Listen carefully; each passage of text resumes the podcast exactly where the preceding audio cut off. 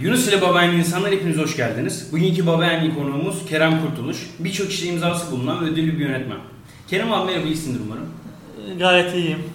Korona sürecinde çalışmaya devam ediyoruz. Çok şükür bizim bu dönemde reklam sektöründe daha çok faaliyet gösterdiğimiz için e, işlerimiz çok da yavaşlamadı. Çünkü insanlar dijitale yöneldi. Dijitale yönelince de doğal olarak dijital reklamcılık daha da güçlendi. E, bu da bize yaradı. Her kriz dönemlerinde bazı sektörler bu kriz dönemini değerlendirir. Biz de bu dönemde krizi değerlendiren firmalardan biri olduk diyebilirim. Kerem abi peki bize, biraz kendinden bahsedebilir misin? Çünkü hani e, seni tanımıyor olabilirler. Çünkü hani çoğunlukla çoğu işin arka planında imzan bulunuyor. Bundan dolayı bize biraz kendini tanıtır mısın? Kimsin veya nerede okudun? Biraz bunlardan bahseder misin? Ben 1990 yılında Fatih'te doğdum. Ee, bizim ailemiz, anne babam hep Fatih doğumludur. Yani doğuma göre Fatihliyiz diyebilirim. Sadece dedem Rize'den İstanbul'a göç etmiş. Hatta bir yaşında gelmiş. 1930'lu yıllarda. Yani eski bir İstanbulluyuz diyebilirim. Ee, Edirne Kapı'da geçti çocukluğum. Güzel bir mahalle kültüründe büyüdüm ben aslında. Mahalle kültürünü görerek büyüdüm. Ee, o yıllarda yani ortaokul, lise yıllarında benim en büyük hayalim aslında yazar olmaktı. Yazar olma hayalim vardı. Hep şiirler yazardım, e, kısa kısa hikayeler yazardım. Bunları işte birçok kişiye okuturdum. Herkes de beni desteklerdi. Harika yazıyorsun, çok iyi işler çıkartıyorsun diye. Hatta beni en çok bu konuda teşvik eden Yavuz Sultan Selim'in bir şiiri var. Sanma şahım sen herkese sadıkane yar olur diye. Bu şiirin bir özelliği var. E, şiir hem düz okunduğunda aynı oluyor hem de birinci mısradaki kelimeleri yukarıdan aşağı okuduğunda aynı oluyor. Ben bunu e, gördüğümde matematik de benim hep çocukluktan beri aşık olduğum derslerden biriydi. Yani hem edebiyatın hem matematiğin bir araya geldiğini görmek beni çok teşvik etti ve yani böyle bir şey yazılabilir mi dedim ilk önce. Ondan sonra e, yani bunu bir insan yazmışsa ben niye denemiyorum? İlk önce denemekten korktum. Zaten bizim insanlarımızın en büyük şeyi bu. Bir şeyi görüyor ve denemekten korkuyor. Aslında denemekten korkmayacaksın. Yani deneyeceksin, deneye deneye bir şeyler başarılıyor. İlk böyle bir sene falan ben sadece gördüm. Böyle bir şey yazılamaz diye düşündüm. İşte ondan sonra denemeye başladım. Denedim denedim ve yaklaşık 6-7 tane böyle onunla ilgili güzel şiir yazmaya çalıştım. Ve bir tanesi gerçekten çok güzel oldu. Sonra o dönemki edebiyat hocama göstermiştim bunu. Hoca gerçekten yani beni çok teşvik edici bir bana şey yazmıştı. Böyle mektup gibi bir A4'e yazı yazmıştı. Beni çok teşvik etmişti. Ve sonunda şey demişti. Kerem umuyorum ki bir gün işte senin e, imza gününde sıradaki olan kişilerden biri de ben olurum diye böyle çok beni motive etmişti sağ olsun. E, o dönemlerim hep yazar olma hayaliyle geçti. İşte hatta babamın yanında çalışıyor çalıştım lise bittikten sonra. Diyordum ki ya babamın yanında çalışırım. E, ama e, yazar da olurum. Yani üniversite okumak okusam çok bir şey de değişmez diyorum. Okursam da işte iletişim, gazetecilik okuyabilirim. Edebiyat okuyabilirim ama çok da şey değildim yani üniversite okumaya meyilli değildim. Bu çok yanlış bir aslında düşünceydi. Liseyi bitirdikten sonra ben e, aslında İstanbul Üniversitesi bizim semtimizin okulu olduğu için hep oraya bir şeyim vardı. E, güzel gözle bakardım İstanbul Üniversitesi'ne. İstanbul Üniversitesi istiyordum. Birkaç puanla İstanbul Üniversitesi'ni kaçırınca dedim ki bir kere, bir kere daha hazırlanayım. Ben gireceksem üniversiteye İstanbul Üniversitesi olsun. Ya edebiyat olsun ya gazetecilik olsun diyordum. Çünkü yazar olduğum için her e, o dönemlerdeki Türk çocuğu da futbola sevgiyle baktığı için fanatik bir Galatasaraylıydım. Diyordum ki en azından meslek olarak belki spor yazarı olurum. İşte spor muhabiri olurum falan diyordum. Bir sene ben hem dershaneye gittim hem de babamın yanında çalışmaya başladım. Babam Beyazıt'ta ayakkabı derisi satan e, bir esnaftı. Kurtuluş Deri adında bir e, deri firmamız vardı. Bir sene boyunca babam bana orada ticaretin nasıl olduğunu, insan ilişkilerinin nasıl olduğunu, çalışan patron arasındaki ilişki nasıl olduğunu adeta bana ders verdi. Çok disiplinlidir kendisi. Gündüzleri benim adeta patronumdu, benim yöneticimdi. Akşam babamdı. Gündüz bana kızıyordu. Akşam geliyordu hiçbir şey olmamış gibi davranıyordu. Ben buna deliriyordum yani. O ergenlik çünkü yaşındasın. Ya diyordum sabah bana hatta şeyleri hatırlarım yani. Ee, böyle bir gün bana çok kızmıştı. Bunu da yani itiraf etmemişimdir babama zaten de. Şimdi ilk defa burada söylüyorum. Ben dinlerse o da burada öğrenmiş olacak. Ee, dedim ki çok ben ne olduğunu hatırlamıyorum ama çok bana kızdığını hatırlıyorum. Bir yerde hata yapmıştım işle alakalı. O gün demiştim ki ya dedim ben çalışacağım üniversiteye gideceğim il dışında okuyacağım falan. O kadar sinirlenmiştim. Ama o, o sene, o benim bir senem benim hayatımda o güne kadar ki bütün eğitim hayatım boyunca bana katan yani kişisel gelişim olarak katan en yüksek dönemlerden biriydi. Ben orada ticareti öğrendim, müşteri ilişkilerini öğrendim, banka işlerini öğrendim, bir şirket nasıl yönetilir onu öğrendim. Ve bunları bir sene boyunca öğrendikten sonra ben İstanbul Üniversitesi gazetecilik bölümüne girdikten sonra benim sınıftaki diğer arkadaşlarımdan bir farkım vardı. Onlar liseyi bitirip üniversiteye girmişlerdi. Kafalarında birçok hayal vardı. Ben de ticaret hayatını görüp o üniversiteye girmiştim. Beni bu sınıf arkadaşlarım konusunda bir sıfır öne geçirmişti. Ama hala ben yazar olma hayaliyle gazetecilik bölümüne girdim zaten. O zaman kafamda yönetmen olma gibi bir hayal yoktu. Yani benim hayalim işte yine büyüktü. Yani tüm dünyanın okuyacağı romanlar yazmak, işte Oscar adayı olan filmin senaryosunu yazmak. Yani hep hedeflerimi küçüklükten beri yukarılarda tuttum. Yani hep de hoşuma giden de bir söz vardır. İşte eğer ağaca çıkmayı hedefliyorsan yıldızları hedefle demiş bir söz. Ben de hep yani en üstü hedefledim. Yani olmasa bile bir yerlere gelirsin. Yani hiçbir zaman hedefini küçük tutmayacaksın ve çalışacaksın. Bildiğin, bu yaşında öğrendiğin tek şey bu. Vazgeçmeyeceksin, çalışacaksın. Çok basittir. Yani bunu herkes söyler ama gerçekten bu işin başarılı olmanın bir formülü varsa çalışmak, çalışmak, çalışmak diyebilirim. Ee, sonrasında üniversitenin ilk döneminde biz İstanbul Üniversitesi'nde şöyle bir rahatlığımız vardı bizim. Ee, hocalar devam zorunluluğu tutmuyordu. Yani sadece derslere gelin, gelmek istemiyorsanız gelmeyin. İşte kendinizi bir şekilde geliştirin diyorlardı. Ben orada gazeteciliği biraz öğrenmeye başlayınca, görünce hoşuma gitmeyeceğini fark ettim. Yani benim hayallerimi süslemeyeceğini fark ettim. Ve gözlemlemelerim sonucunda da aslında senaristlerin, yazarların hep içine kapanık, e, istedikleri projeleri yapamayan kişiler olduğunu hep gördüm. Ve düşüncem şuna dönüştü. Ben senaryo yazmak istiyorum, film yapmak istiyorum diyordum senarist olarak. Sonra dedim ki ya ben kendim yazıyorum, bunu kendim yapmalıyım dedim ve üniversitenin daha ilk girdiğim belki ikinci, üçüncü ayında ben dedim ki yönetmen yapımcı olacağım, ben film yapacağım, yazmayacağım sadece yapacağım dedim. Ve birden buna dönüştü benim hayalim. Şimdi bir hayale giderken sadece yönetmen olacağım diyerek gidemezsiniz. Çünkü günümüzdeki en en önemli şeylerden biri sizin tanıdığınız insanlar, iş ağınız. Olabildiğince fazla kişilerle tanışmanız lazım. Olabildiğince alanınızla ilgili e, bilgi birikiminizin yüksek olması lazım. Şimdi yönetmenlik bakıldığında işte film çeken bir kişi olarak yönetmeni görebilirsiniz ama yönetmenin iyi bir yönetmen olabilmesi için birçok şeyi biliyor olması lazım. Örneğin bir yönetmen oyunculuk hakkında da bilgi sahibi olması lazım. ışık hakkında bilgi sahibi olması lazım. insan ilişkisi hakkında bilgi sahibi olması lazım. Kamera grubu hakkında bilgi sahibi olması lazım. Çünkü sette bir aksilik olduğunda sen bilginle yönetirsin orayı. Tecrübeyle yönetirsin. Ama bilgi varsa kişiler sana saygı duyar. O yüzden ilk ben bu işe girerken daha videonun temeli olan fotoğraf yani bir foto, bir video, bir saniyelik video 24 tane fotoğraf karesinin birleşmesiyle olur. Yani sabit bir şeye hakim olursanız akan bir şeye daha iyi hakim olursunuz. Yani benim dayım eski kameramandı zaten. Küçüklükten beri aslında kameralarla büyümüştük ama hiç o hayalim yoktu. Bir de çok samimi bir aile dostumuz da ünlü bir fotoğrafçıydı. Onların da tavsiyeleriyle ben bu sektöre fotoğrafçılıkla başlamayı istedim. E, ve okuldaki fotoğraf hocamıza bir gün dedim ki hocam ben fotoğrafçılığı öğrenmek istiyorum. Bana yardımcı olur musunuz? O da sağ olsun e, bizi birkaç setine götürdü ve bir kiralama şey e, rental diyorlar. E, kiralama fotoğraf ekipmanları kiralama şirketiyle bizi tanıştırdı. O şirkette hem fotoğraf ekipmanları, ışıklar, kameralar, yüksek megapikselli kameralar kiralanıyordu hem de set kuruluyordu. Yani biz hemen hemen orada ben asistanlığa başladım. Belki bir yıl içinde, bir yıl çalıştım orada.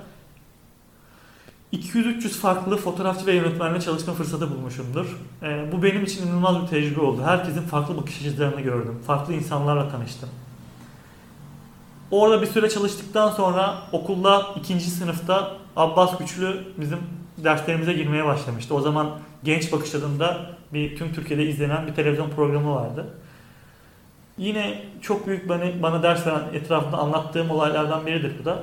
İşte Abbas Güçlü bizim okulda hoca olarak okula gelmiş. İlk geldiğinde seçmeli dersti. Dedi ki benim dersimden geçmek zordur. İşte ben herkesi öyle geçirmem. İşte ben dersimde işte kişilerin işte atıyorum röportaj yapacaksa en alanında en iyisiyle röportaj yapmasını isterim. Herkesten güzel şeyler isterim. Atıyorum şarkıcılıkla mı uğraşıyorsun? Tarkan'la röportaj yapmanı isterim falan böyle bir, bir yüksekten konuştu. Öyle konuşunca 100 kişilik sınıftan 25 kişi Abbas Hoca'nın dersini seçti. Ya sen Abbas Güçlü'nün dersine gir, kalıyorsan da bir dönem dersten kal. Okula şimdi böyle tecrübeli bir adam gelmiş. İletişim fakültesinde okuyorsun. Neyse bu bizim için avantaj oldu o 25 kişi için seçenler için. Abbas Hoca dedi ki bu sınıftan dedi ben bir kişiyi şey yapacağım. Yanıma Kanal D'ye alacağım. Abbas Hoca'nın derslerine girdik. Güzel de geçti. Bana da o zaman ben işte fotoğrafçılıkla, klip yönetmenliğiyle falan ilgilendiğim için işte bana da Nihat Odabaşı ile röportaj yapmamı söylemişti. Ben de Nihat Odabaşı ile bir şekilde ayarladım ve röportaj yapmıştım. O da çok keyifli bir anıydı. Sonra e, o dersi geçtik ve o dönemin sonunda ben Genç Bakış'ta çalışmaya başladım bu sefer de. Televizyonu gördüm. Canlı yayını gördüm, rejiyi gördüm. 3 ayda Genç Bakış'ta çalıştıktan sonra yaz dönemi arası girmişti. Sağ olsun yine emek verdiğim için, çalıştığım için Özlem abla orada yönetmen şey dedi bana, beni, beni Ağustos gibi ara, biz seni bir sonraki sene burada şey alalım, normal çalışan olarak gel burada başla istiyorsan dedi. Ben tabii havalara uçtum. 3. sınıfa geçmişim. Kanal D'den teklif geliyor bana. Bütün okulun aslında hayal ettiği şey bu. Bir yandan da tabii bu fotoğraf eğitimi de aldığımız için şeylere devam ediyoruz. Kendi işlerimizi devam ediyoruz. İşte organizasyon çekiyoruz, bir şeyler yapıyoruz. Güzel bir arkadaş grubumuz vardı. Hepimiz bu işle ilgileniyorduk. Bu şimdi anlatacağım benim hayatımdaki döngülerden biridir yani. Bana bir yol ayrımı oldu. Ağustos ayıydı. Özlem ablayı arayacaktım. Onu ararken yani o aralar arayacaktım. Aramadan önce Serkan abi diye bir abimiz vardı. Onu arayacağım ama eski patronum bu çalıştığım şirketteki Serkan abiyi aradım. Sesinden tanıyınca da bozuntuya vermedim. Abi nasılsın? İşte ne var ne yok diye konuştum. Konuşunca da o da herhalde o ara bir eleman arayışındaymış. Bana dedi Kerem aradığın iyi oldu. Ben de dedi birini arıyordum. Gelip burada tam zamanlı çalışır mısın? Haftada 5 gün, 4 gün, 5 gün okuluna göre sana sınavlarında izin de veririm. Serkan abi dedim mutlu olurum. Ama dedim Kanal D'ye de girme şeyim vardı. Ben dedim bir düşüneyim. Sana dönüş yapayım. İşte orada benim hayatıma bir yol ayrımı çıktı. Ya birinde kendi işimi yapabileceğim, güzel bir şirkette çalışan olarak girecektim ve gerçekten çok emek harcanıyordu. O çalıştığım şirkette, Maslak'ta. Sabah 6'larda 7'lerde bazen evden çıkıyordum. Akşam 8'lere 9'lara kadar. Bir de set işçiliği zordur yani. İşte masa başı bir iş değildir. Ekipman taşırsın, hammallığını yaparsın. Yeri gelir stüdyonun işte fonunu boyarsın. Boyacılık mı yapmadık, hamallık mı yapmadık her şeyi yaptık. İşte yeri gelir birçok farklı kişiyle çalıştığımız için yönetmenler, fotoğrafçılar azar işitirsin. Oradaki iletişimi sağlaman gerekir. Ama sağ olsunlar ben orada yani beni dürüst buldukları için çoğu böyle iletişim konusunda sıkıntı yaşamadım ama yani işçilik olarak, yorucu olarak gerçekten çok beni yordu o dönem. Ee, o ara düşündüm. Dedim ki Kerem dedim Kanal D'ye girip hayatını bir şirkette çalışan olarak mı devam edeceksin? Orada işte yönetmen olursun, belki yönetici olursun. Yoksa kendi işini mi yapacaksın? Düşündüm dedim ki ben kendi işimi yapacağım. Hiçbir zaman öyle bir çünkü bir kurumda çalışma hayali gütmedim. İşte Özlem ablaya teşekkür ettim. Abla dedim ben dedim başka bir yere gideceğim. Kanal D'yi reddettim. Hatta çoğu arkadaşım ya Kanal D'ye nasıl girmez? Bizim hayalimizi sen reddediyorsun. Gidiyorsun prodüksiyon şirketinde çalışıyorsun falan dediler. Kendime de zaman sınırı koydum. Çünkü dediğim gibi çok ağır bir dönem olduğu için dedim ki bir yıl daha ben burada işte çalışacağım. Ve bir yıl sonra buradan çıkıp kendi işlerimi yapmaya başlayacağım. Üçüncü sınıftaydık o zaman. O bir yıl benim hayatımdaki belki en zor ama en keyifli zaman dilimiydi. Kendi paramla fotoğraf makinesi aldım çalışıp o kamerayla sonra iş yapmaya başladım. İşte ışıklar almaya başladık. Bir de iş yaptıkça insanın önü açılıyor. Yani kimse ya ben şuna inanmıyorum ya biz, biz çalışıyoruz ama işte bizim fırsat gelmiyor önümüze. Yani ben böyle bir şey olduğuna inanmıyorum. Çevremde gözlemlediğim kadarıyla. doğru bir stratejiyle çalışırsan herkesin önüne fırsatlar çıkar ve o fırsatları değerlendirmen gerekir. Yani yedek kulübesinde bekleyen bir golcü gibi. Sen hazırsan oyuna girdiğinde golü atarsın ve devam eder ama hazır değilsen girersin. O fırsatı değerlendiremezsin ve kaybedersin fırsatı. Ben de ilk benim önüme çıkan fırsatlardan biri üniversitedeki sınıf arkadaşımız Fatma Hey Girl dergisinde çalışıyordu. Ben de sektörde olduğum için onlar hep böyle ünlülerle her ay ünlü oyuncularla röportajlar yapıyordu ve fotoğraf çekimleri yapıyorlardı. Bir tanesinde bana teklif etti ya Kerem dedi böyle bir şey yapıyoruz ama işte seninle bir denesek mi yapsak mı dediler. Onlarla bir fotoğraf çekimi yaptık dizi oyuncularıyla. Çok beğendiler. Ondan sonra her ay orayla ben çalışmaya başladım. İşte Kerem Cem'i çektik. İşte şu an çok popüler olan Demet Özdemir'i çektik. O zaman daha yeni oyunculuğa başlamıştı. İşte Gizem Karaca'yı çektik. Birçok ünlü çektik şu an aklıma gelmeyen. O zamanlar çoğu da yeni yeni sektöre giren. Furkan Andiç çektik. Ve işte hepsi hemen hemen hepsi bunların başrol oyunculuğu yaptılar. O bana bir şans oldu. O gelen şansı değerlendirdiğim için. E, onun dışında yine ben şiiri çok sevdiğim için lise yıllarında hayallerimden birisi de radyo programı yapmaktı. Emre çok yakın arkadaşlarımdan biri üniversite. O da gitar çalıyordu. Onunla birlikte İstanbul Üniversitesi'nin radyo yöneticisi olduk. Haftanın bir günü okula giriyorduk. Radyo programı yapıyorduk ve radyoda yöneticilik yapıyorduk.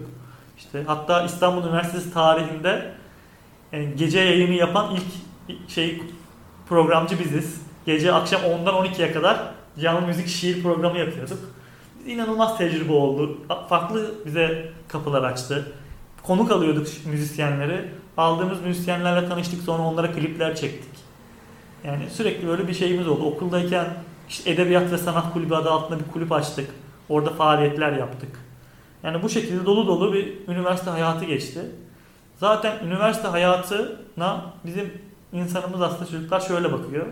Ben iş hayatına girmeden önce benim eğlenebileceğim son yer. Bu şekilde bakıyorsa bir çocuk, bir genç üniversite hayatına, üniversite hayatından sonra büyük bir hüsrana uğruyor. İş bulamıyor, sonra işsizim diyor. Ama halbuki üniversite döneminde sen o dönemi değerlendirirsen o rakiplerin karşısında öne geçiyorsun. Zaten üniversite bittiğinde de bir iş sahibi, meslek sahibi olabiliyorsun. Benle arkadaşlarım dalga geçerdi. İşte Kerem'in küçük bir dünyası var. Oğlum bırak bu şeyi, çalışmaları. Gel şurada iki takılalım, oyun oynayalım. Bir şeyler yapalım derlerdi. Böyle arkadaş çevremden de şeyler görmüşümdür. İşte tepkiler. Ama sağ olsun o dönemde bende şey yapanlar, üniversite bittikten sonra da ne kadar benim haklı olduğumu, ne kadar işte doğru yaptığımı o zamanlar bana da söylediler. Bu da benim için aslında en büyük mutluluktu. Aslında hani anlatıyorsun böyle çok severek anlatıyorsun. Çünkü hani gerçekten sevdiğin bir işi yapmışsın ve de kendi kararlarını, kendi yönünü daha önceden belirlemişsin. Aslında buradaki nokta o dediğin hani üniversite hayatını bir eğlence hayatından çok gerçekten bir o işe girme, işin aslında o başlangıç hayatı olarak gördüğün için sen üniversite sonrasında herhangi bir sıkıntı çekmemişsin çünkü işte e, nasıl çalışacağım o sorumlulukları, o sorumluluk altına girmeyi daha öncesinden zaten tatmışsın. Ben de şu an aslında hani hayat hikayelerinde veya birçok kişinin hayat hikayesini gördüğümde, okuduğumda veya dinlediğimde, sohbet ederken insanların bakış açısı tamamen şu yönde oluyor. İşte ya bu adam üniversiteden sonra başlamış, bu adam 40'ından sonra zengin olmuş. Veya işte o aslında 40'ından önceki hayatına kimse bakmıyor. Yani o başarısızlıklarla dolu veya başarılarla dolu olsa bile o arka plandaki başarısızlıklarını kimse görmüyor. Peki senin buradaki o yönetmenliğe yöneldin diyorsun veya bir şu anda bir prodüksiyon firman var ve de bu prodüksiyon firmasında hem yönetmenlik yapıyorsun hem yapımcılık yapıyorsun. Aslında hayalin olan işi yapıyorsun. Bunun kurumu nasıl oldu veya işte bunda şu anda nasıl işler yapıyorsunuz? Şimdi ben yönetmen olacağım deyince zaten dediğim gibi fotoğrafçılıkla başlamıştım. Video işlerindeki yapmaya işte üniversite 3. sınıfta 2013'te yapmaya başladık. İşte ufak ufak video işleri yapmaya başlamıştık. O zamanlarda da bizim işte her öğrencinin hayali zaten kısa film çekmek. Birçok kısa film projesinde de biz yer aldık ama ben hep bekledim. Yani ben dedim kısa film yapacaksam iyisini yapacağım. Yani ve benim al, yapacağım kısa film işte ödül alacak. İşte Cannes Film Festivali'ne yollamak benim en büyük hayalimdi. Senaryo düşünüyorduk, arıyorduk. Bir gün bir dersimizde çok da aslında yani üniversitede derse girmemek kötü aslında. Yani iyi bir eğitim ol, olduğu takdirde derslere girilmesi lazım. Yani onu da birazdan değineceğim. Şimdi bu an, sorduğun sorunun üzerinden devam edelim. Nadiren girdiğim derslerden biriydi. Nurdoğan Rigel diye gerçekten bilgisine çok saygı duyduğumuz bir profesör hocamız vardı. O bir derste şöyle söyledi. Çocuklar dedi trafik ışıkları dedi kapitalist sistem gibidir dedi. Kuralları birisi koyar Siz de bu kurallara uymak zorundasınız. Nasıl kırmızıda duracaksın, yeşilde geçeceksin. Sistemin de dedi kuralları vardır. Siz de dedi işte insanların bu sistemin size dikte ettiği kurallara uymak zorundasınız. Bunun dışına çıkarsanız nasıl trafik ışıklarında sen karşıya kırmızıda geçeyim dersen araba çarpabilirse sistem de sana bu şekilde geri dönüş yapar. Sana zarara uğratır, seni üzer demişti. Biz de bu cümleden bir şey düşündük, fikir. İşte bir adamın başarıya giden yolculuğu olsun ve trafik ışıklarında bir final sahnesiyle biz bu adamın sistemi yöneten adam olmasını sağlayalım. Yani şöyle bir şeye ben evirdim bunu. Sistemde başarılı olmak istiyorsan kurallara uyacaksın. Yani kurallara uyup da çok başarılı olan insanlar var. Ama en iyilerden biri olmak istiyorsan kurallarını kendin koyacaksın. Yani kendi bir dünyan olacak. Belki küçük bir evrenin olacak ama oranın kurallarını sen koyacaksın. Daha mutlu olursun. Biz de kendi kurallarını kendisi koyan, sistemin dışına çıkan bir adamın hikayesini yapmak istedik. Ve bununla ilgili işte Ateş Sönerken adlı bir senaryoyu, hikayesini ilk Emre Akbulut'la birlikte, arkadaşımla birlikte düşünmüştük. Sonra Burhan Gerger'le, o da yine okulda radyoda tanıştığım kitap çıkaran bir arkadaşımdı. Yani hala da birlikte senaryolar yazıyoruz. Burhan'la birlikte biz Ateş Sönerken'in senaryosunu yazmaya başladık. Kısa metraj olarak yazdık. Ondan sonra hikaye çok hoşumuza gitti. Uzun metraja dönüştürdük. Ondan sonra uzun metraj olunca çok içimize sinmedi. Sonra tekrardan kısa film metraja dönüştürdük falan. O aralar varken işte ben beklettim senaryoyu biraz. Hemen çekmek istemedim çünkü doğru zamanı beklemem gerekiyordu. O kenarda kaldı. Yani ben o filmi 2013-2014'te yazmaya başladım. 2017'de çektik. Ee, bu 3 sene içinde ben neler yaptım o senaryoyu beklerken tabii sürekli geliştirmeye devam ettik ve benim hayatımdaki en büyük e, şanslardan biri aslında Cem Talu ile tanışmak ve çalışmak oldu. O da sektördeki herkesin bildiği çok ünlü bir fotoğrafçı ve yönetmendir. Gerçekten sektördeki tüm diğer gördüğüm kişiler bir yana Cem abi bir yana koyabilirim. Çünkü genelde bizim sektörde şöyle bir şey vardır. Bilgisini herkes anlatmaz, gizler. İşte bir yönetmenle çalışırsın ya da bir fotoğrafçıyla çalışırsın. Ben asistanken şeyleri biliyorum. Sete gitmişim asistanım. İşte fotoğrafçı bir fotoğraf çekmiş. O adama bir şey soruyorum. Abi diyorum işte hocam diyorum o çık nasıl oluyor? Bana böyle ters ters bakıp beni ters dediğini bilirim. Yani. İnsanlar şey yapıyor böyle bir o, o sette fotoğrafçıysa ya da yönetmense set büyük bir setse reklam setleri çünkü. Yani çok fazla işte ünlülerle birlikte çalışma şansı bulduk büyük setlerde. O adam sana çok seni değerli görmüyor. Asistan diyor. Ama Cem abiyle biz ne zaman çalışmaya başladık?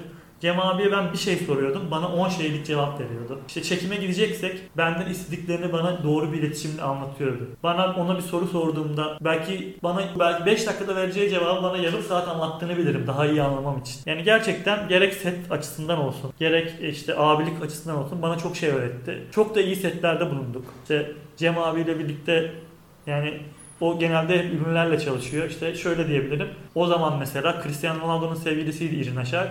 Irina Shayk'ı bile çektik yani diyebilirim. Yani Paris Hilton'la çalıştık. İşte Kıvanç Tatlıtuğ'dan işte Kenan İmirzalıoğlu'na kadar birçok çekim Cem abi yapmıştır. Ben de çoğu çekimde onun yanında bulunmuşumdur. Sağ olsun bana e, o sektörü daha çok sevdirdi. Daha beni bilgi sahibi oldu. Bir sektör büyüğü gelişmekte olan işte sektör asistanlarına nasıl davranması gerekir onu öğrendim. Ben ondan çok ders aldım.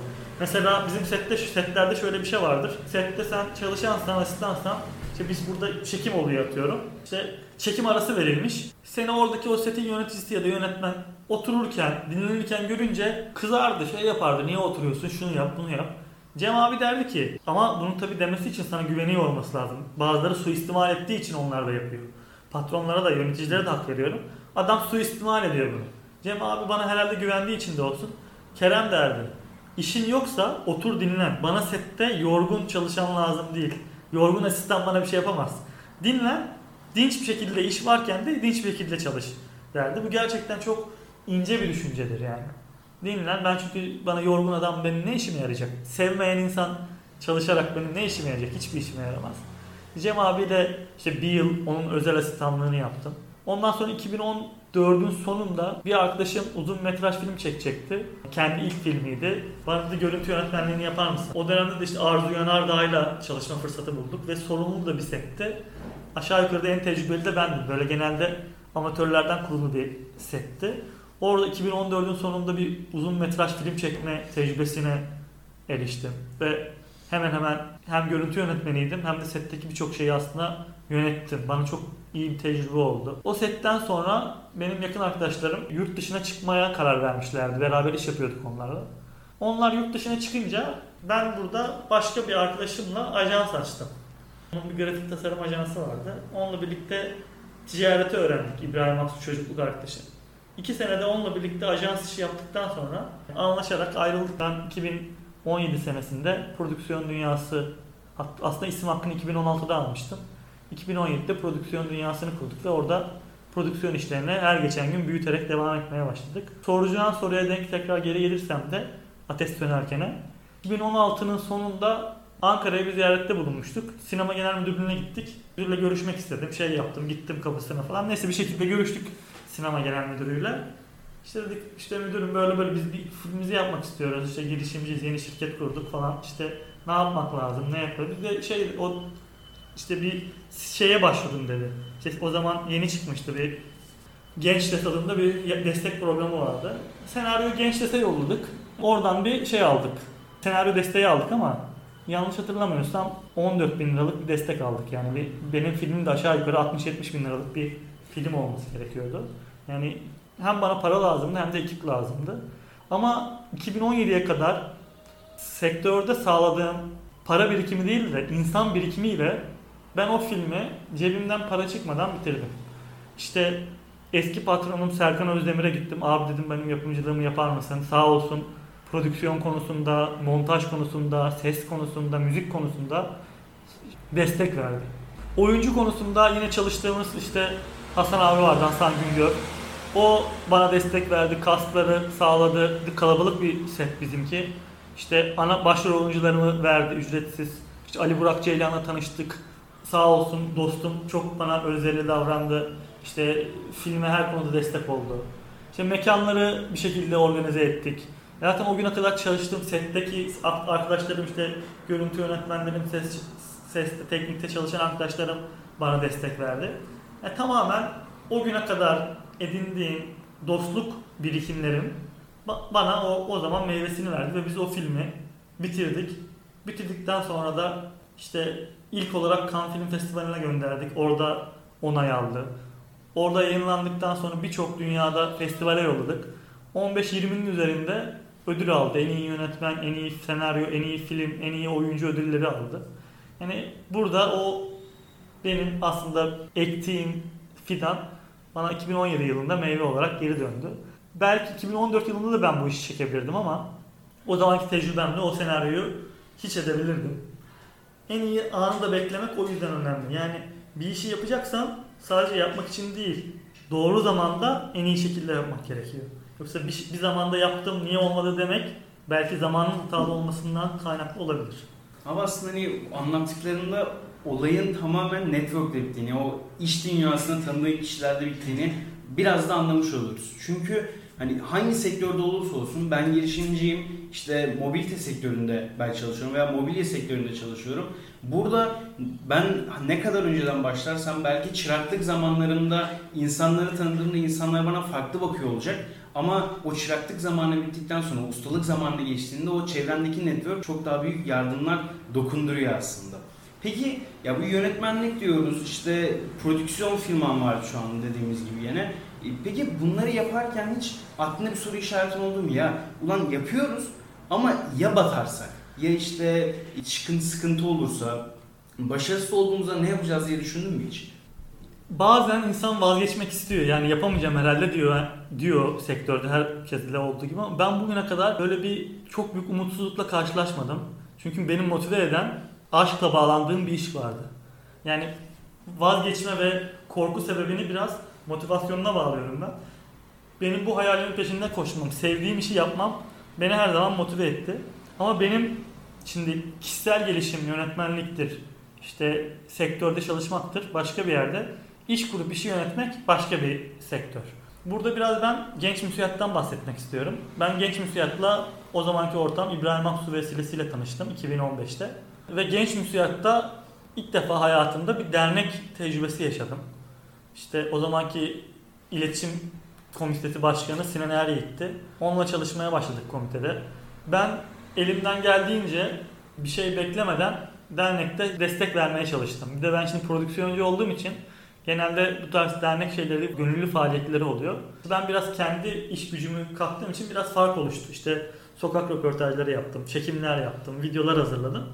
Beni dernek içinde birazcık göz önüne çıkardı bu durum. Yani çok sevdiğim bir filmde bir söz vardır. İyi olmak yetmez, göz önünde olmak gerekir der. Ezel'de bir sahnedir bu. Ramiz dayının söylediği bir söz. Gerçekten öyle. Yani ne kadar iyi olursan ol, işte kenarda köşede çok iyi bir şeyler yapıyor olabilirsin ama insanlar seni görmez. Dijital çağda yaşıyoruz artık. O yüzden yaptığın işi göz önüne çıkarmak gerekiyor. Ben orada tecrübe ettim bu işi. Ve genç müsiyatta iş yaptıkça orada insanlar beni gördü. Sonra birkaç ay sonra işte iletişim kültür sanat başkanı oldum şu anki adıyla komitenin. İşte iki dönem yönetim kurulu üyeliği yaptım. Ondan sonra işte Furkan Başkan, Furkan Akbal döneminde yine komite başkanlığıyla devam ettim ve şu anda Genç Müsiyatta Genel Başkan Yardımcısıyım. Ve şunu diyebilirim, benim Genç Müsiyatta verdiğim emek benim ticaret hayatımdaki bana dönüş oldu. Sadece Genç Müsiyattaki verdiğim bu emeği ticari dönüş olarak ben görmüyorum.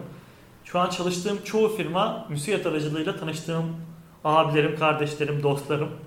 Yani bana çok büyük katkısı oldu. Yani şirket yönetiminde ve insan tanımada. Ama genç müsiyatta ben yöneticiliği öğrendim. Bir insan 25 yaşından sonra nasıl dost olur, nasıl dost bulur onu öğrendim. Adana'ya gittiğimde atıyorum ya da herhangi biriyle sırf genç müsiyatlı oradaki kardeşim genç müsiyatlı olduğumuz için akraba ilişkisinden daha öte bir dostluk olduğunu gördüm. Bu kurumda, bu tarz derneklerde her zaman bu karşılaşılmayabilir. Ama genç müsiyatta öyle bir dostluk kavramı var ki insanlar birbirlerini seviyor, birbirini tutuyor, birbirini güveniyor. Çünkü buraya referansla girmiş bir şekilde. Bana çok büyük katkısı oldu. Benim kişisel gelişimimde, işte dost çevremi geliştirmekte, insan ilişkilerimi büyütmekte, işte yöneticilik yapmakta birçok tecrübe sahibi oldum. Çünkü iş hayatında atıyorum bir şirkette yöneticisinizdir. Çalışanınız vardır, maaş veriyorsunuzdur. Çalışanı motive eden bir adamın geliri vardır. Müsiyatta komite yöneticisiniz. Altındaki kişi tamamen gönüllülük esasıyla olduğu olduğu için onu motive ederek yönetmen gerekiyor. Yani patronluk yaparak bir yöneticilikten bahsetmiyorum. Dostluk yaparak, işte liderlik yaparak bir yöneticilikten bahsediyorum. Burada biz o liderlik özelliğimizi geliştirdik. Her genç müsiyattaki e, özveriyle çalışan arkadaşımız gibi. Ve bugünlerde de sağ olsunlar şöyle bir geriye baktığımda son 5 sene içinde genç müsiyatta o kadar çok dost edindim ki iyi ki genç müsiyata girmişim ve hayatım bu şekilde değişmiş. Yani kişilerin çevresi yoksa hep derler ya işte ya benim sağda dayım yok, solda dayım yok. Benim de yoktu. Ben mütevazı bir aileden. Sağ olsun babam sıkıntıya sokmadı. Her şeyimiz vardı. Ama babamın öyle ağım çağım bir çevresi yoktu. Ben tüm çevremi kendim kazandım. İşte dayılarım şu an varsa, tanıdıklarım varsa bunlar benim ikili ilişkimden dolayı kaynaklandı. E insanlar iyi niyetli olursa, dürüst olursa, zaman yönetimini çok iyi yaparsa her zaman başarılı olurlar. Yani babamın bir söylediği söz vardır. Benim en büyük servetim dürüstlüğüm der. Bize o da çünkü iş hayatı boyunca hep dürüstlüğünden çok iş yapmıştır. Bize hep bunu öğretti sağ olsun. Zaman yönetimini öğretti. Ben birine saat 9'da orada olacağım diyorsam 9'u geç demedi yani orada ol- olacağım. Bu o kadar küçük bir detaydır ki. Yarın öbür gün senin oraya 10 dakika geç git lan bir kere geç gidersin, bir kere geç gidersin. Bir sohbet ortamında derler ki ya Kerem sözünde durmuyor diye döner. Ondan sonra Kerem güvenilmeze döner. Birçok yere gidebilir bu. Ama öbür türlü o disiplin, zaman yönetimi bunların hepsi birleşince zaten başarıyı getiriyor. Tek başına çalışmak başarıyı getirmiyor. O da aslında biraz da fedakarlığa dönüyor abi. Bu fedakarlık noktasında mesela şöyle hani sen belki genç bir sürede girdiğinde ilk başta hiçbir e, para almadan veya herhangi bir şeye dayanmadan sadece gönüllülük esaslı olarak başladın. Ama daha sonrasında sana bu öyle bir şekilde döndü ki o yaptığın fedakarlık, o almadığın şeyler belki ustaydın orada çırak rolüne büründün. Daha küçük işler yaptın ama orada tamamen senin fedakarlığın ön plana girdi. Orada bir network elde ettim. Ben aslında geçmiş yılda senin sayende tanıştım. Seninle de tanışmamda mesela normalde sabahın yedisinde Ataşehir'den küçük çekmeceye gelmiştim. Yani normalde herhangi bir adamın yapmayacağı bir şey. Çünkü sabahın yedisinde otobüs yok, feribot yok, işte Marmara yok, herhangi bir toplu ulaşım yok. Ataşehir'den küçük gitmeyecek yaklaşık 40 kilometrelik bir yol var. O sürede tamamen tanışmak için, tamamen network için oraya gelmek bile aslında bu bir fedakarlık ve de bu fedakarlıklar bizim ileride önümüze çıkıyor. Peki abi biz çoğunlukla üniversiteden bahsettik. İşte e, senin üniversite yaptığın işler var. Üniversite sonrasında aslında belli şeylere başlamışsın. Peki lise bazında ne yapılabilir? Çünkü ben bir lise öğrencisiyim. Ben şu anda girişimcilik yapıyorum. Olabildiğince şirket kurmaya çalışıyorum. Çünkü şu anda günümüzde siyasetten tutun eğitimdeki bütün herkese herkesin söylediği söz şu artık girişimcilik yani şirket kurma işi üniversiteden liseye düştü liseden artık ortaokula düşmesi gerekiyor. Peki bu zamanlarda ne yapılabilir? Çünkü daha reşit değilsiniz. Hani her yere girip çıkamıyorsunuz maalesef ki. Peki bu olaylarda nasıl ilerleyebilir insanlar? Veya sen mesela eğer ki lisede o üniversite birinci, ikinci sınıfta o anladığın sorumluluk duygusunu lisede veya ortaokulda kapsaydın nasıl davranırdın veya ne yapılabilir? Şimdi ben ona şöyle cevap vereyim. Şimdi o çağda bazı şeyleri anlamak çok zor olabiliyor yani. Bilmiyorum nasıl o, o çağda bir insan bazı şeyleri öngörebilir. Yani çok küçüklükten beri farklı bir vizyonla yetişiyor olması lazım. Benim en büyük keşkem lise dönemine döndüğümde keşke ben lise yıl- yıllarımda iki tane yabancı dili cebime atsaydım. Keşke daha çok kitap okusaydım. Keşke daha çok bilgi sahibi olsaydım. Yani benim diyebileceğim tek şey bu. Bunu da şuradan örnek verebilirim yine. Yine ben okula gitmiyordum. Cem tabi bana hep derdi ki Kerem okula gitmiyorsun ama bak sana şöyle bir şey söyleyeyim. Bunu derdi kulağına küpe et. Şimdi sen arkadaşlarını geçiyorsun. Burada çalışıyorsun, asistanlık yapıyorsun, iş öğreniyorsun. Ama iş hayatında bir süre sonra fazla eğitim alanların yükselme hızı daha hızlı olacak. Atıyorum ben 2014 senesinde sektöre girdim. Adam 2016 yılında girecek ya da 2017 yılında girecek. Ben 3 sene ondan öndeyim. Ama o çok iyi bir eğitim alırsa eğer onun hızı 2x ise senin hızın 1x olacak ve zamanla seni geçecek. O yüzden eğitimine hiçbir zaman dedi aralık verme yani es verme sırf sektörde kalma. O sağ olsun onu dedikten sonra ben eğitimime de çok fazla eğildim ve orada yani arkadaşlarım ileride beni geçmesin diye birçok işte bilgi sahibi olmam için işte araştırmalar yaptım, eğitimler aldım, kitaplar okudum. Hatta şunu söyleyebilirim. Ben yönetmen olmak istediğim için gittim 8 ay boyunca oyunculuk eğitimi aldım. Yani o, gittiğimde bana dediler ki ya sen hatta hocaların da çok hoşuna gitmişti. Altan Erkekli gibi işte hocalar vardı bizim gittiğim oyunculuk şeyinde. Dedim ki hocam ben daha iyi bir yönetmen olmak için oyunculuğun dilinden anlamam lazım. O yüzden oyunculuğu öğrenmek istiyorum. Ya dedim ne kadar güzel düşünmüşsün dedi. Bunun gibi birçok yerde ben sektördeki kişilerin işte bileceği şeylerin eğitimini aldım. İşte fotoğraf eğitimi almıştım zaten. İşte ışık eğitimi aldım. İşte etkili iletişim eğitimi aldım. Yani oyunculuk eğitimi zaten çok önemli. Sette oyuncuyu doğru yönetmen gerekiyor. Bir de oyuncularda şöyle bir şey var. Bir ego vardır tanınmışlığından dolayı. Yönetmen oyuncu çalışması yaşanabilir. Yani eğer ki oyuncu senden bir tık üst bir oyuncuysa popülarite olarak o sıkıntıyı yaşayabilirsin. Orada da bir kitap örneği vereceğim size. Kitaptan bir örnek vereceğim. Eski dönemlerin bir yönetmeni şöyle bahsetmiş kitabında. İşte ben ilk yönetmenliğe başlamıştım. İşte dönemin ünlü oyuncularından biriyle çalışma fırsatı yakaladım. İşte adam her sabah diyor geliyor benim yanıma. Ya işte atıyorum işte Keremcim diyor burada diyor işte sen böyle yazmışsın senaryoyu ama ben böyle oynamak istiyorum diyor burayı. Adama bir şey diyemiyorum diyor şimdi benle çatışıyor çünkü ben ona yok desem benle çalışacak belki bir şey olacak diyor yani çalışmak da istemiyorum çok. Neyse diyor bir gün öyle geldi ikinci gün geldi Keremcim dedi ben dedi burayı dedi böyle değiştirdim diyor beni ve ezmeye çalışıyor oyuncu olarak diyor. Sonra diyor bir gün sonra ben ona üçüncü günde dedi ben gittim onun yanına diyor aldım senaryoyu. Hocam dedim diyor ben burayı böyle yazmışım ama böyle oynamanı istiyorum dedim diyor. Onu deyince diyor bir daha yapmadı bana diyor anladı durumu. Yani nasıl iletişime geçeceğini bazen kişiyle bilmek gerekiyor. Oyuncunun da dilinden anlamak gerekiyor. Yani bu bir çatışma olmamalı. Oyuncu biraz kaprisliyse onun dilinden iyi anlamak gerekiyor sektörde. Onu hoş etmek gerekiyor. Yani asla ego savaşına girmemek gerekiyor. Yani bu çok önemli bir şey. Yani egoyla film çekemezsiniz. Yani e ama egosuz da çekemezsiniz. Nuri Bilge'nin yine bir sözü var. Egonuzun azaldığı yerde size olan saygı düşer hemen fark edersiniz diyor. Yani gerçekten o ego dengesini çok iyi tutmak gerekiyor. Çok egosuz olursan herkes seninle gelir işte çekinmez senden. O da kötü. Ama tam tersine e, çok egolu olursan da bu sefer seni sevmezler. O denge çok önemli. Aslında biraz hani eğitimin sadece okulda olmadığını söylüyorsun. Hani anlattıkların onu söylüyor. Çünkü mesela dediğin o 6 aylık ben oyunculuk eğitimi aldım. Başka eğitimler de almışsın. Hani bunu sadece işte ya e, benim arkadaşım işte lisede Türkçe dersine çok giriyor benden. Benden daha iyi olması belki tamam okul bazında ve üniversite girdiğinde çok büyük fark olabilir ama gerçek hayatta, real hayatta sadece o Türkçe dersinin değil ekstra aldığın o gireceğin sektörde, gerçekten yapmak istediğin sektörde orada çok daha artılar elde edeceğini görebiliyoruz. Peki abi bize biraz yönetmenliği anlatır mısın? Çünkü ya çok fazla yönetmen dedik, prodüksiyondan bahsettik, oyunculuktan bahsettik. Peki ya yönetmen ne yapar veya yönetmen olmak isteyenler ne yapar? Günümüzde birçok kişinin aslında yanlışı tam olarak gireceği şey, yapacağı işi tam olarak tanıyamaması. Biraz bize o yaptığın işi anlatabilir misin? Şimdi yönetmen filmi çeken kişidir dersek yanlış bir ifade, eksik bir ifade kullanmış oluruz. Genelde böyle biliniyor yani sektöre girmeyenler ya da girecek olanlar işte ben film çekmek istiyorum, yönetmen olacağım.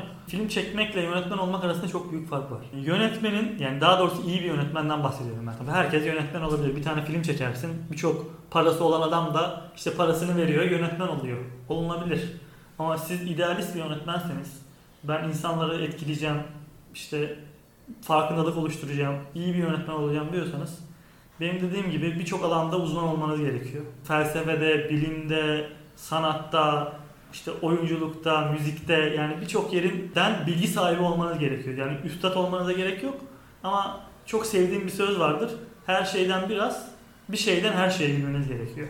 Ben biraz buna kendimi, kendi alanımda bunu her zaman savunuyorum. Yönetmen şudur, eğer kendi yazmışsa senaryoyu zaten sanat kısmını çok iyi dekore etmiştir. Ne yapacağını çok iyi bilir. Oyuncuyu seçer, çalışacağı ekibi seçer, mekanları belirler. Bunlar da son karar verici olur yani.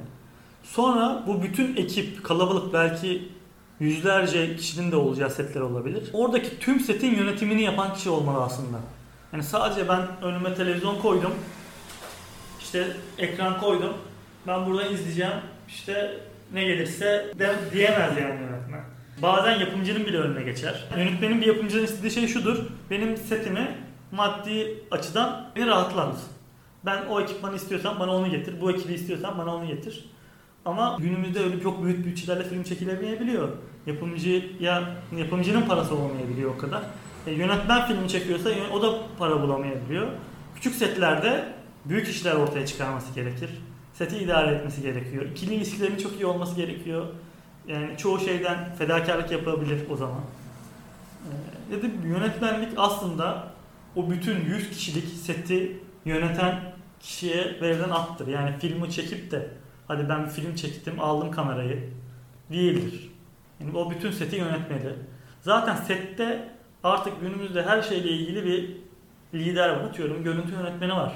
O bütün filmi çeken görüntü yönetmenidir. Hatta çoğu zaman görüntü yönetmeni de filmi çekmez. Kameramanı vardır. O talimatları verir. Şu açıyı kur, bu açıyı kur. İşte şefi vardır, ışığı kurar. İşte oyuncu koçu vardır, oyuncuyu eğitir. Yardımcı yönetmenin setin akışını düzenler. İşte kostümcüm vardır, kıyafetleri düzenler. Ama yönetmen eğer ki bütün bunların bilgisinde eksikliği varsa atıyorum görüntü yönetmenliği konusunda kamera konusunda eksiği var. Görüntü yönetmeni ona şey diyebilir. Ya hocam burası böyle oluyor diyebilir. E, yönetmenin bilgisi yoksa onun diyeceğine muhtaç olur. Ya da yarın öbür gün görüntü yönetmeni diyebilir ki işte aksilik çıkartabilir, sorun yaşatabilir. Bence demeli de ki orada yönetmen atıyorum bir gün bir sorun yaşadın görüntü yönetmenin sana ters konuştu ya da ben bunu yapamam dedi. Çekil arkadaşım oradan ben yaparım. Diyebilmeli bir yönetmen. Ben bunu yaptırırım. Ya da hemen bir, bir, bir telefonla başka birini sete çağırabilmeli. Birçok sette sorunlarla karşılaşılabilir. İşte yönetmen bütün bunların bilgi birikimi ve tecrübesiyle sağlayan ve o senaryoyu en iyi şekilde tamamlayan kişiye verilen attır benim için. Aslında bu onun anlattıklarında Nuri Bilge Ceylan'ın işte çektiği filmlerde özellikle Ahlat Ağacı'nın mesela YouTube'da kamera arkaları oluyor. Orada mesela Nuri Bilge Ceylan'ın böyle e, oyuncularla konuşma tarzı, yönetmesi gerçekten orada bir aslında patronluk değil de orada gerçekten bir liderlik konumuna getiriyor. Aslında burada mesela yönetmen olmak isteyenler veya yönetmen olma, oyuncu olma gayesi taşıyan insanların, çocukların, gençlerin veya şu anda yaşı geçmiş insanların herkes olabilir çünkü. Biraz da sektörde kim ne yapıyor, ne ediyor, işte yapan kişi gerçekten alanında uzman kişi zaten dediğin gibi o verdiğin örnekteki gibi sana yardım ediyor zaten.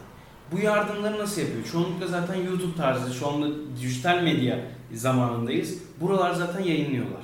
Bizim aslında buradaki ana amacımızın gerçekten yapmak istediğimiz işi bulmamız ve de bunun üzerine stajlar yapmamız, işte dersler çalışmamız olması, kitaplar okumamız olmasının gaye mantığında ilerlememiz gerekiyor. Peki abi, senin sen yapanı aslında biraz dinleyicilerimize aktardık, işte yönetmenliğe aktardık. Peki yönetmen olmak isteyen kişilere sen ne önerirsin? Yönetmen olmak isteyenler üzerinden aslında herkese ben bir şeyler söyleyebilirim burada. Yani herhangi bir işi yapmak istiyorsanız bir kere klasiktir zaten. Yani sevdiğin işi yaparsan başarılı olursun. Ben buna inanıyorum. Ama şöyle diyebilirim yani ben atıyorum araba kullanmayı seviyorum. İşte Formula 1'de pilot olacağım. Çok seviyorum. Yani sevmek tek başına yeterli değil. Bunu arzulamak gerekiyor. Bir hayat biçimi olarak görmek gerekiyor. Ben geceleri uyurken bile bazen o gün çok bir şey düşündüysem bütün gece uykumda onu kafamda toparlıyorum. Yani fedakarlık gerekiyor. Fedakarlık çok önemli. Yani ben hem şu konuda çok başarılı olacağım hem de ben keyfime düşkünüm arkadaş. Ben akşamları gezeceğim. İşte her akşam bir yere gideceğim. Hafta sonu benim tatilim var. Ben o gün bir şey yapamam. Yani öncelikle bir numaraya eğer siz başarılı olmak istiyorsanız ben girişimci olacağım. İşte Peak gibi milyarlara ben şirketimi satacağım ee, diyorsanız büyük hayalleriniz varsa kendinize eğlence olarak diğer insanların eğlence olarak gördüğü şeyleri kendi hayatınızda benimseyemezsiniz. Ama ben atıyorum eğlence hayatı deyince insanların aklına gece dışarı çıkmak, işte eğlenmek onların anlayışıyla geliyor. Ben şunu iddia ediyorum. En çok eğleniyorum diyen yani insanlığın baktığı eğlence anlayışından bahsedeyim. Eğleniyorum diyen insandan ben çok daha zevk alıyorum hayatımdan. Çok daha mutluyum. Çünkü sevdiğim işi yapıyorum. Daha büyük eğlence olabilir mi? İşte oturuyorum bir şeyler yazıyorum. Seti yönetiyorum. Geliyorum işte ekibimle sohbet ediyorum. Hafta içi istediğim bir zaman istediğim bir yere gidebiliyorum. Ama önceliğim her zaman yaptığım iş, düşüncem her zaman yaptığım meslek. Sağ olsun eşim de bu konuda çok destek veriyor. Ne yardım istesem bana hep akıl da veriyor. Fiziken de destekte bulunuyor. Doğru bir evlilik de çok önemli. Bizim sektörün en büyük hatalarından biri de bu. İnsanlar e, sağlıklı bir hayat yaşıyorlar. Gerçekten evlilik insanı düzene sokuyor. Ben şirketi kurduğumda 2017'deydi. Evlilik hazırlığındaydık. Ben freelance çalışıyorum. Evleneceğim diye bana biraz aslında bu şey oldu. Yani itici bir güç oldu. Bir yer kurdum, şirket kurdum, görüşmeler yaptım, işlerimi büyüttüm. Bana motive güç oldu. Şimdi öbür türlü gece bazen çalışıyorsun, gündüz uyuyorsun. İşte dağınık bir hayatım var. Ama evlilik hayatı düzenleştirdiği için o insanın başarı olarak geri dönüyor. Bunu da kesinlikle gençlere evli, evlenmeyi, doğru insanla evlenmeyi tavsiye ediyorum. İnşallah herkes bu konuda sevdiği insanla doğru bir evlilik yapar.